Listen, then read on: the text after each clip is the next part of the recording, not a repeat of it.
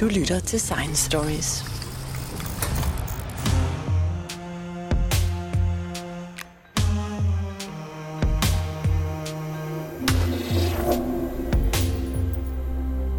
Mitochondria are the powerhouse of all our body cells. They convert nutrients into energy and they hold the key to reverse aging and a cure to many muscle and nerve diseases. Professor Zhen Yan from University of Virginia is one of the leading researchers of mitochondria in the world and he has a lot of news to tell. Maybe we can replace exercise and reverse aging with a pill. I interviewed Zhen Yan before he gave a talk at the August Krogh commemoration event in Copenhagen this summer. Professor Zhen Yan, you are working with mitochondria. What can you tell me about mitochondria's role in your body? Mitochondria are the powerhouses of the cells. So all the energies, majority of the energy generation, uh, happens in mitochondria. This is a small organelle in the cell that is so tiny you cannot see it by naked eye. If you can see the cell by regular microscope, you have to use a very special microscope to enlarge it to see the small mitochondria, which is about one micrometer in diameter. And people think they are oval shaped organelles in the, floating in the cell, but in reality, they are all connected. These organelles have two membranes. One is called the outer membrane, the other one is called the inner membrane. Outer membrane looks smooth, the inner membrane folding in the space within mitochondria, making more surface area for the important component of these power plants, like our solar battery. Uh, so on this inner membrane, you have a lot of proteins. They bind together, form these special structures like a power plant, and so that the nutrient coming into the cell, like a sugar, fat, proteins, they can be oxidized to form this called a reducing equivalency, more like a fuel for the, um, the power plant to generate energy. Those electrons generated in the uh, reducing equivalency can go through those protein complexes from one to the next step to the next step. During this process, energy converted from the chemical energy to another form of chemical energy, which is called membrane potential. It's like a battery have now have been charged, and and then the battery can change this um, membrane potential to generate another chemical um, energy storage form called ATP, which is universal for uh, cells to use for cellular function, even for contractions like a muscle to generate a mechanical force. Anytime we need to have bio- biological processes, heating, burning things, and moving things, mechanically moving things, the way our cell to generate energy for those processes is using the cash, ATP. ATP is like a cash. We use that to, to do those functions. And this uh, energy creating process, which charge all our cells, uh, that's actually the process which use oxygen. That's why we need to breathe. Yes, this is exactly. It's not just the electron transport through those different protein complexes, like components of the mitochondria not only that, at the end of the uh, uh, process, the, bi- uh, the chemical or biochemical process, the electrons have to be accepted by oxygen to generate water. When, when we use the um, electrons and the water and, and the oxygen generate water, we generate uh, uh, energy, uh, ATP formation. So this is a very efficient process according to some studies, it's uh, 15 times more than just burning the sugar to another form to generate a little bit of energy. This is far more powerful and efficient in generating energy. And this is also the reason why we can have uh, multicellular organisms or big animals, because if we didn't have this energy uh, form, that we would not be able to walk around. Exactly, exactly the situation here in our body. And as we, you know, I, I'm very interested in mitochondria. I try to study mitochondria as much as I can. Uh, when I look at the cells, where do I find mitochondria? Any place there are active biological processes. For example, our heart is beating 24 7. You get a lot of mitochondria in the heart. If you study skeletal muscle, which is the one we use for our locomotive activity for sports event, you see millions of mitochondria in one cells, uh, one cell, and um, you uh, can also find mitochondria in the brain, in the nerve and the nerve connection. We call it synapses. So one nerve cell will have an axon, like a long line of a cell body, stretch the cell body to form this special structure to connect to, to another neuron. And in between these two neurons, the, the stretched part of the cell body and there will be a lot of mitochondria there. Uh, the ATP generated by the mitochondria will be used for neurotransmission, which means transmit the signal from one nerve cell to the next nerve cell by releasing some small molecules. This is called neurotransmitters. And so, in order for the cell to have that function, you need to have a lot of mitochondria to generate ATP for those processes. What happens if you have problems with those mitochondria? The nerve will start to detach. And then this, we call it um, denervation in peripheral tissues in the brain, neurodegeneration, which is causing a lot of diseases we're talking about today, like um, schizophrenia and um, Alzheimer's disease, the cognitive decline. So it's actually like uh, if if the cells uh, they lack their energy motor, uh, then uh, they can't really function because they don't have the energy in the right places. That's exactly right. And the, not only the cells lack good mitochondria or have poor mitochondria, they will not be able to have the normal function, like a heart for contraction, muscle for contraction, nerve for neurotransmission etc., uh, etc. So you have um, those cellular function will be lost. Not only that, mitochondria is not only the site for energy generation, it can serve as a sensor for the health state of the cells.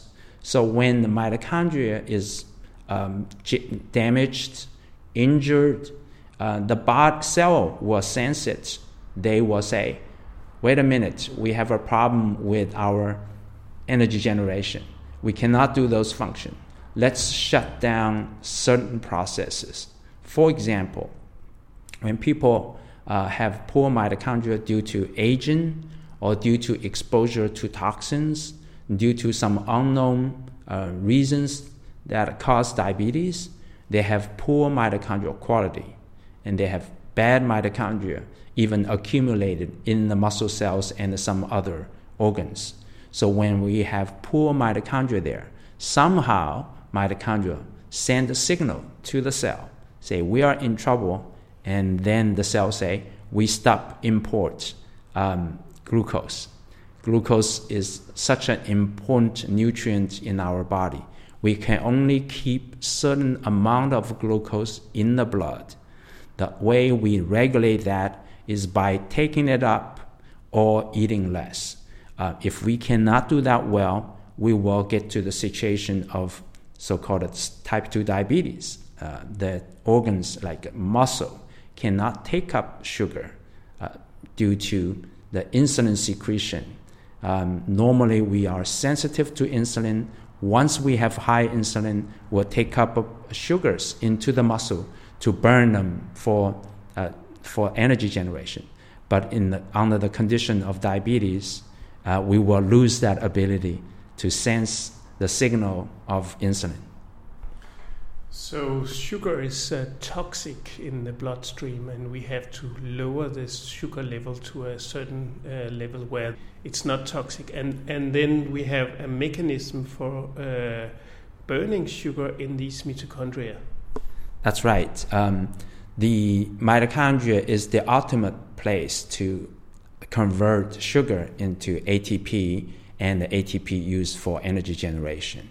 Um, if we cannot use mitochondria to do that, then the sugar getting into the muscle will convert it to intermediate, which means in the middle product uh, in, in the muscle, uh, in other organs. When those m- middle product, partial product, accumulate in the muscle, in kidney, in the liver, in the brain, that can cause the problem. Uh, eventually, will cause problem of losing function, but also uh, losing ability to sense the insulin uh, in the blood.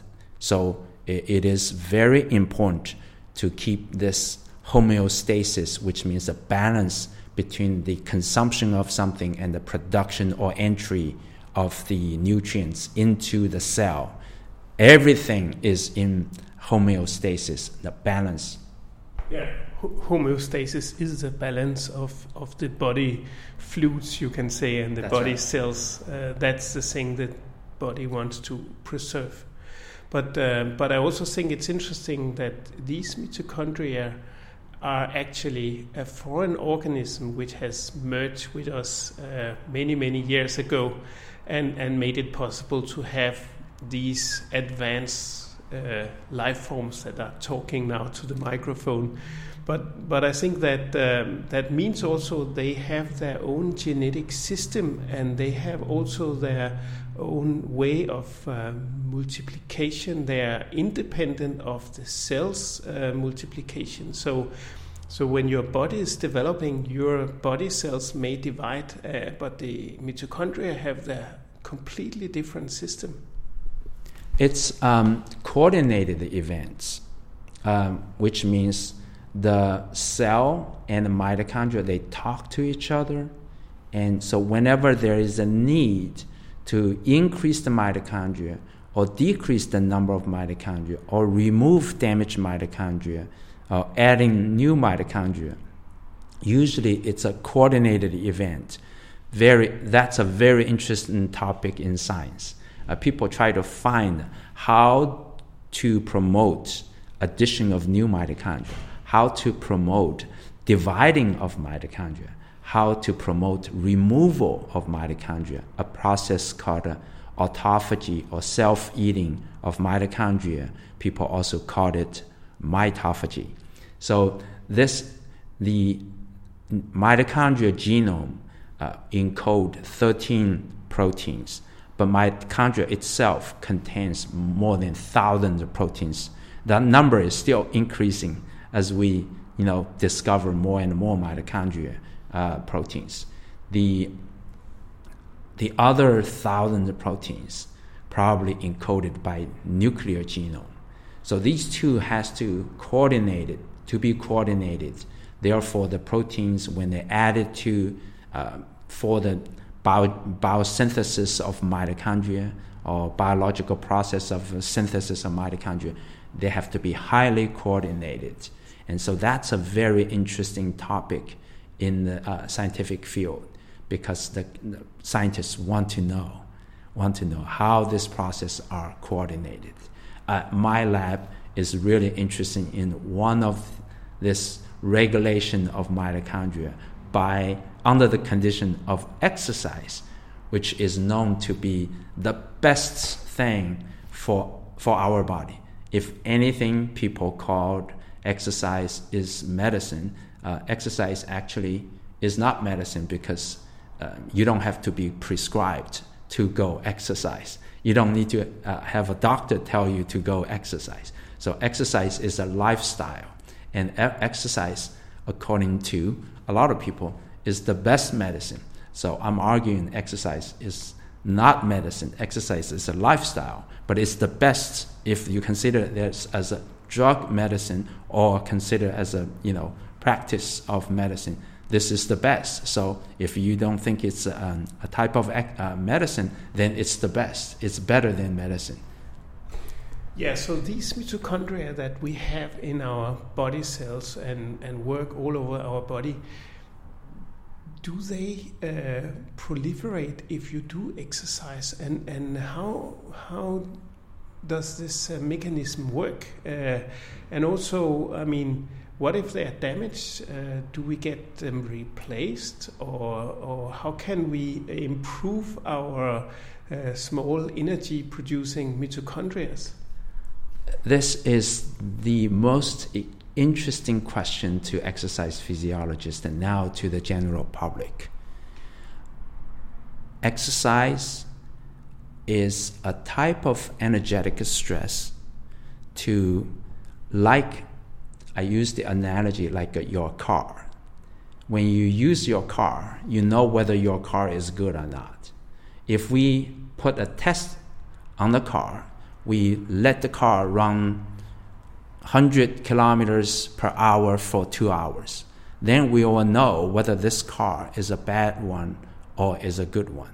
So after that, we can say this is a car that causes a lot of pollution. Uh, the control is not good. Uh, the engine is is uh, overheated. Then we need to get rid of the car. And then there is a mechanism in our body say we need to add new cars. So the way how it happened is that whenever we do exercise, just using muscle as an example, you will stimulate intracellular cell um, molecule molecule crosstalk.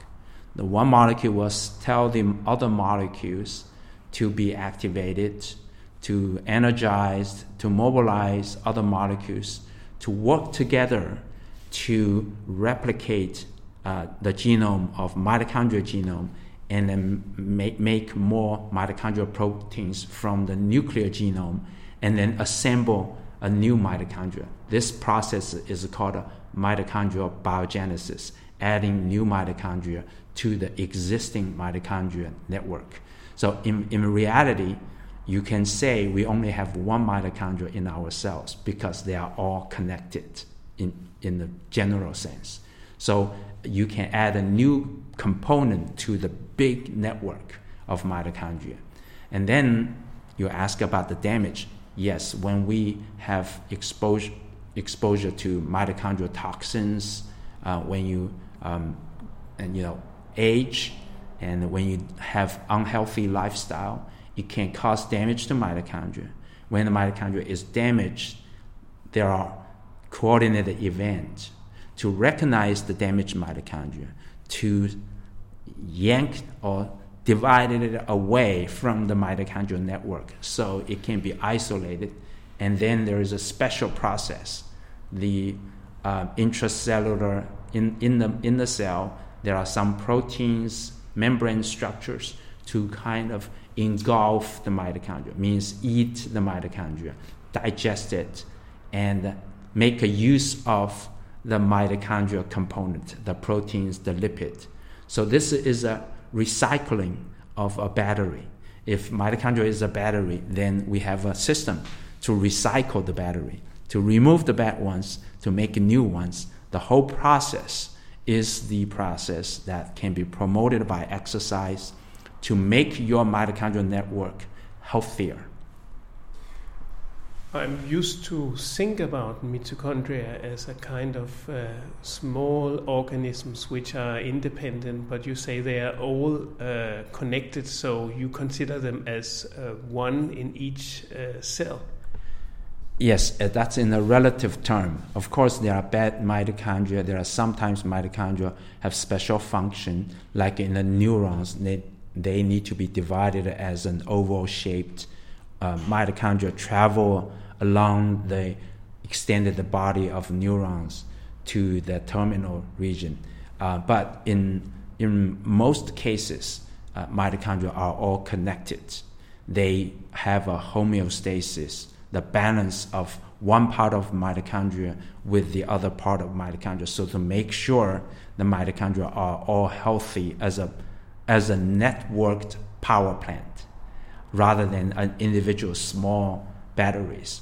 I- imagine if we have batteries that are all divided, they are not as powerful as you put in, assemble them, connected them all as a whole unit to supply the energy to the to the whole cell body.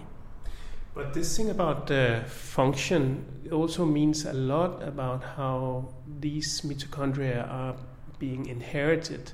For example, uh, when you see uh, uh, the sperm cell in, a, in an electron microscope, you can actually see that the mitochondria are around the uh, flagellum, the tail of the sperm cell.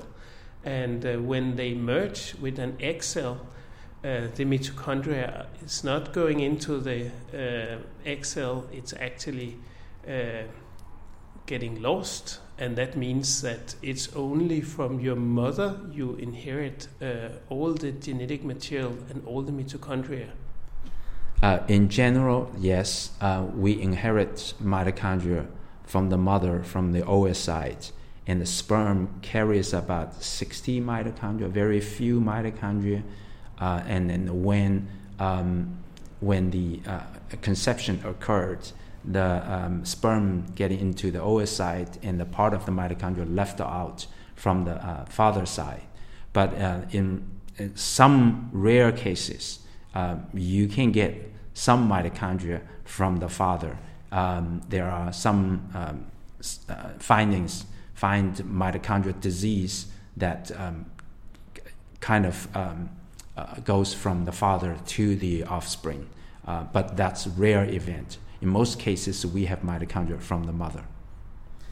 So that means that uh, you can actually also track families back in time from the uh, mitochondria genome and uh, how mitochondria works to uh, the mother side. That's right. Uh, the maternal inheritance is the one that can trace back um, year by year, generation by generation, to find out uh, if there is a, a, genetic variant or mutation or disease that can be traced through this maternal um, uh, heritage system. Mm-hmm. But one of the things uh, now I have to be careful uh, when I talk about mitochondria if they're plural or singular, but uh, when you see uh, um, the muscle, you can see that the mitochondria tend to uh, be more where you need the energy to be uh, produced. So you actually have more mitochondria where the muscle is more active, or how does it work? Yeah, that's uh, uh, another important question. Is uh, how um, what is the relationship of uh, mitochondria uh, network, the robustness of the mitochondrial network related to physiology.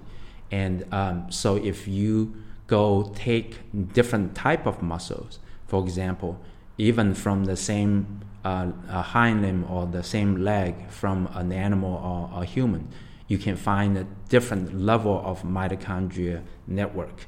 So in the muscle that we use for standing, walking, um, you can find a lot of mitochondria because you use that every day. But if you go to take a muscle from the top of your thigh, very superficial part of that uh, um, part of the muscle, you rarely use it unless you do 100 meter dash. You will find a very few mitochondria, uh, smaller mitochondria. So the mitochondrial network, the the robustness, uh, the how well developed, it's clearly uh, closely uh, related to the um, biological function of the organelle or of the organs, like a skeletal muscle. If you have muscle that has been recruited every day, if um, you do a biopsy of uh, athletes uh, compared to a sedentary individual, there are huge differences. So you can actually see uh, if somebody is doing regular exercise. How, how much exercise do you need to do in order to uh, have uh, sufficient mitochondria uh, support or, or sufficient energy support?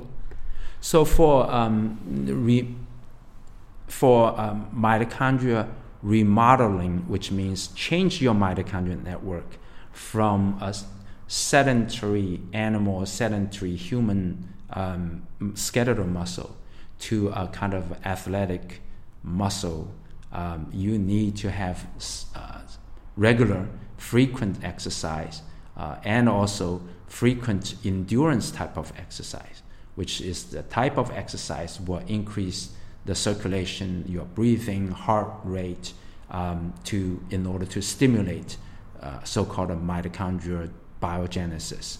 It, it, will, it will take at the minimum, you know, 30 minutes a day for weeks to get um, the benefit of exercise. And when you say uh, benefit of exercise, you mean uh, measurable uh, improvements? Yes, um, including mitochondrial function and some other uh, functions. Like the, the best is to put you on the treadmill to measure uh, how fast you can run, uh, how long you can run. And for a clinical, for doctors, they will measure um, six minute walk. How far can you walk within six minutes? That's a very practical, easy uh, clinical assessment for patients. You mentioned aging, where mitochondria also play a role. What role exactly do they play in aging? In terms of the aging, the mitochondria is um, considered to be uh, very important for maintaining um, locomotive activity. As we age, we get uh, less and less active. Therefore, we eventually uh, compromise the uh, quality of life. We cannot um, travel around, we cannot do things. So um, that's the functionality.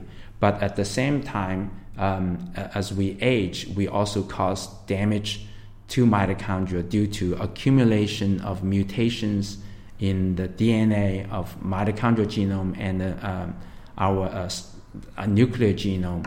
Uh, eventually, that's part of the aging process. So um, I believe uh, exercise is one of the best aging, anti-aging lifestyle.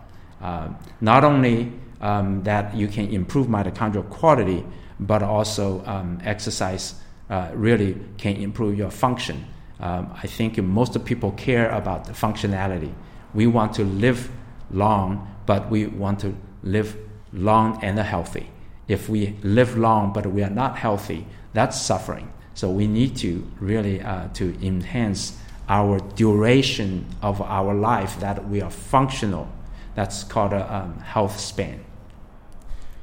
And you also mentioned that uh, the mitochondria play a role in the brain's function and they have a role for the nerve connections.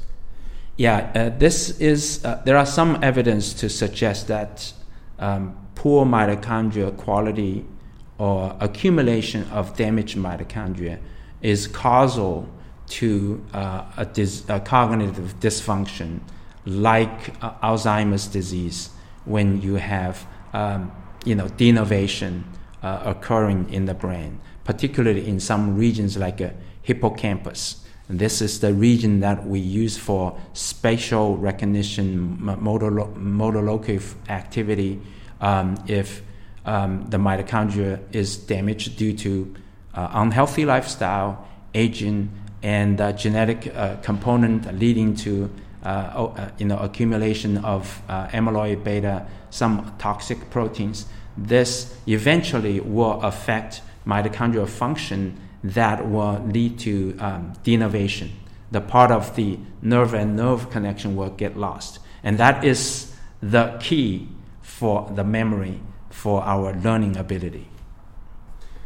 Yeah, there's actually also a Danish research group recently which has suggested that uh, the beta amyloid uh, increase in the brain cell is not uh, necessarily the, the bad thing, but it's actually uh, a, a, defense against uh, the decay of, uh, of the brain cells.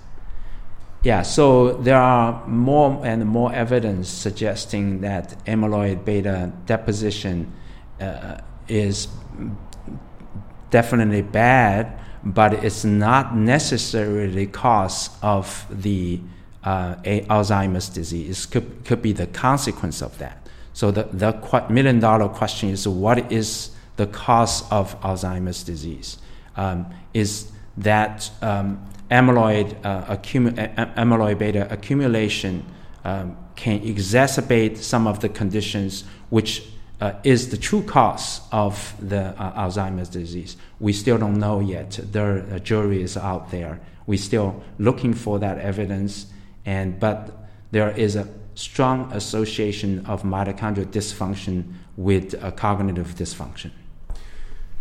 But I think uh, could you could you imagine uh, sometime in the future that it will be possible to make a kind of test where you can see the status of your mitochondria, so you can uh, improve them or you can do something about it, so you can prescribe uh, exercise in order to uh, improve your mitochondria and improve your health status. What what would you think uh, will happen, or or do you already work with the plans in that direction?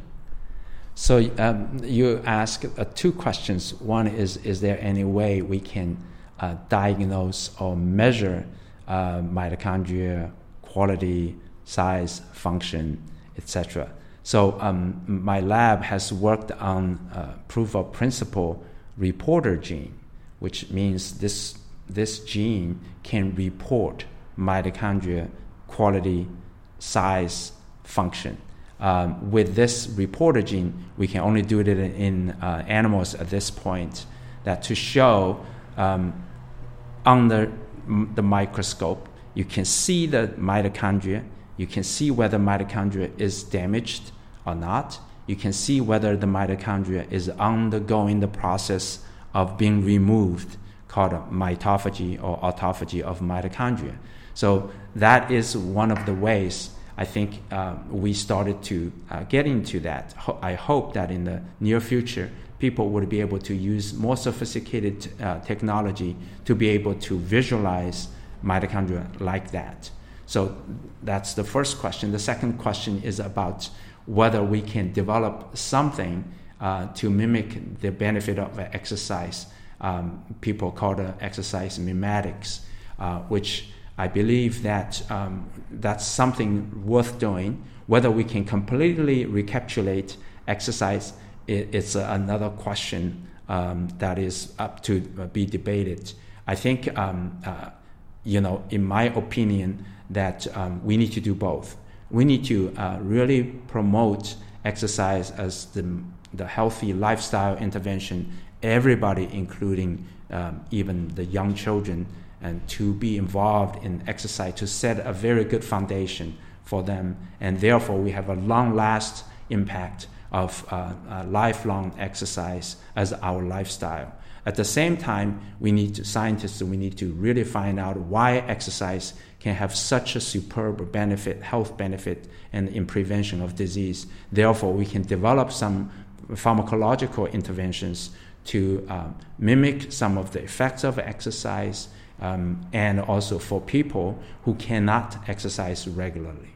During the process of studying exercise induced mitophagy, which I describe as the process of self eating of mitochondria, which means our muscle, our cells have the ability to recognize bad mitochondria, to earmark, earmark them, and remove them and we ask a simple question um, What is the reason that we can precisely remove the damaged mitochondria without removing the whole mitochondrial network?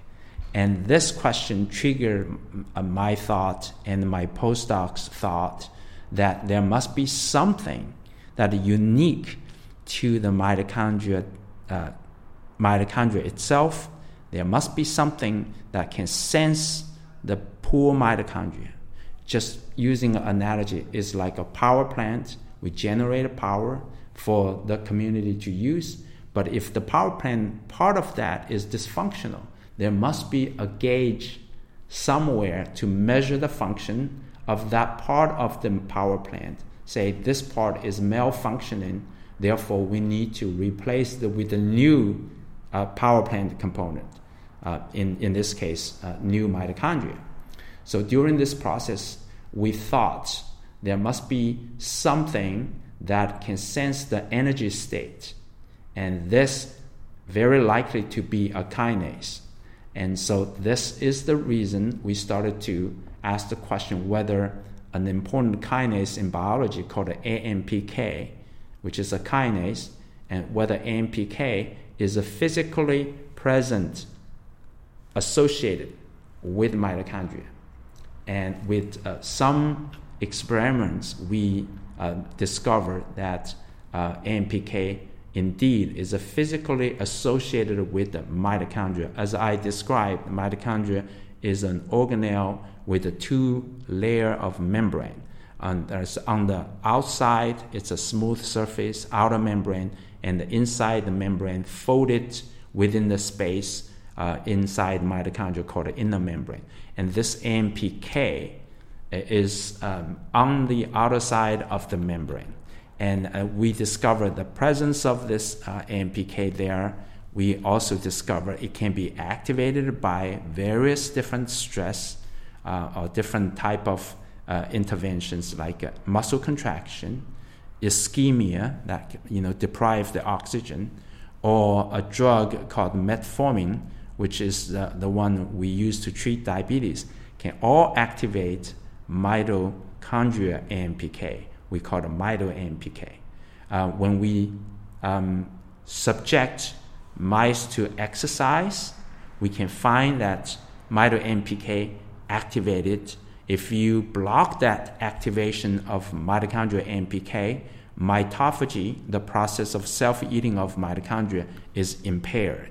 Therefore, we have um, revealed a kind of pathway in at least in skeletal muscle, probably also in the heart and the other organs, that anytime you go exercise, you basically do a stress test of the power plant to see which part is bad. When that part is stressed, you know, under the condition of activation, exercise, energy generation, that part of the battery will trigger this alarm, the AMPK. The AMPK will trigger other process to recruit the rescue team or squad uh, come to clear that damaged mitochondria by recycling that battery and then to replace it with a new mitochondria.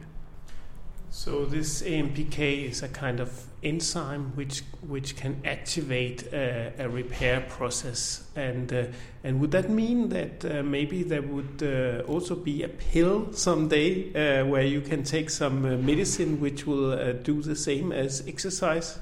Exactly. The the scientific community, the pharmaceutical companies are very interested in um, finding or manufacturing, developing uh, appeal to activate AMPK uh, as a kind of a drug intervention for diabetes and many diseases. That is an ongoing effort uh, in the field. Uh, but the, the, the challenge is that AMPK is everywhere and uh, the drug uh, may not be able to totally mimic the exercise mediated activation, which is pulsatile. Every time you go exercise, you increase AMPK activity. But when you stop exercising, AMPK activity goes down back to uh, the baseline. Uh, so this pulsatile uh, activation of this important kinase may be so important for us to have a chance to remodel, to change the structure, change the function of many, many things, uh, you know, after exercise. But you know, if we generate a drug, we really need to mimic that. And sometimes we fail to do that, and it cause harm. So there's hope for the sofa sedentary people that they can actually continue to, to lay in the sofa and, and just eat a pill. So we, we really need to do two things. As I said, we need to mm, do both.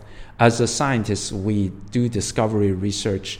And the reason we to do that is to um, convey the message to the general public, can also convey the message to the policymakers so that we can um, have the impact to have the positive, beneficial impact of our research um, for the people, uh, no longer to be couch potato. We need to be physically active. That's uh, one thing we need to do. But at the same time, we need to learn from our beautiful biological system that we know every time we go exercise, there are some um, signaling pathways, hundreds of molecules are activated. We really need to learn from that, and hopefully, we can develop pharmaceutical interventions to help people who cannot exercise regularly. But the pill will never be as good as real exercise. Exactly. I don't think any single medicine is going to be as good as exercise because every drug has side effect most likely negative side effect because um, we fix one problem and leading to another problem. But exercise, other than injury, if you can prevent injury, has many positive side effects.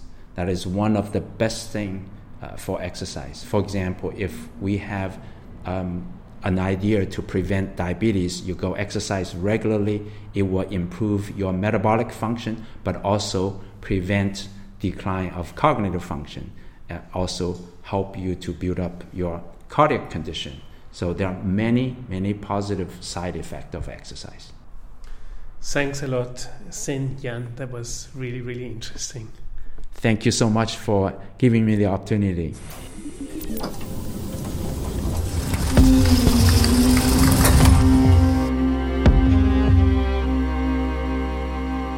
If you like stories about science, you can find our website at www.sciencestories.dk/en. You can follow us on social media, Facebook, Instagram, LinkedIn, and Twitter, and you can listen to our stories on SoundCloud, Podimo, Spotify, and Apple Podcast. Please don't forget to rate us and leave a comment. I'm Jens Degett, and this was Science Stories.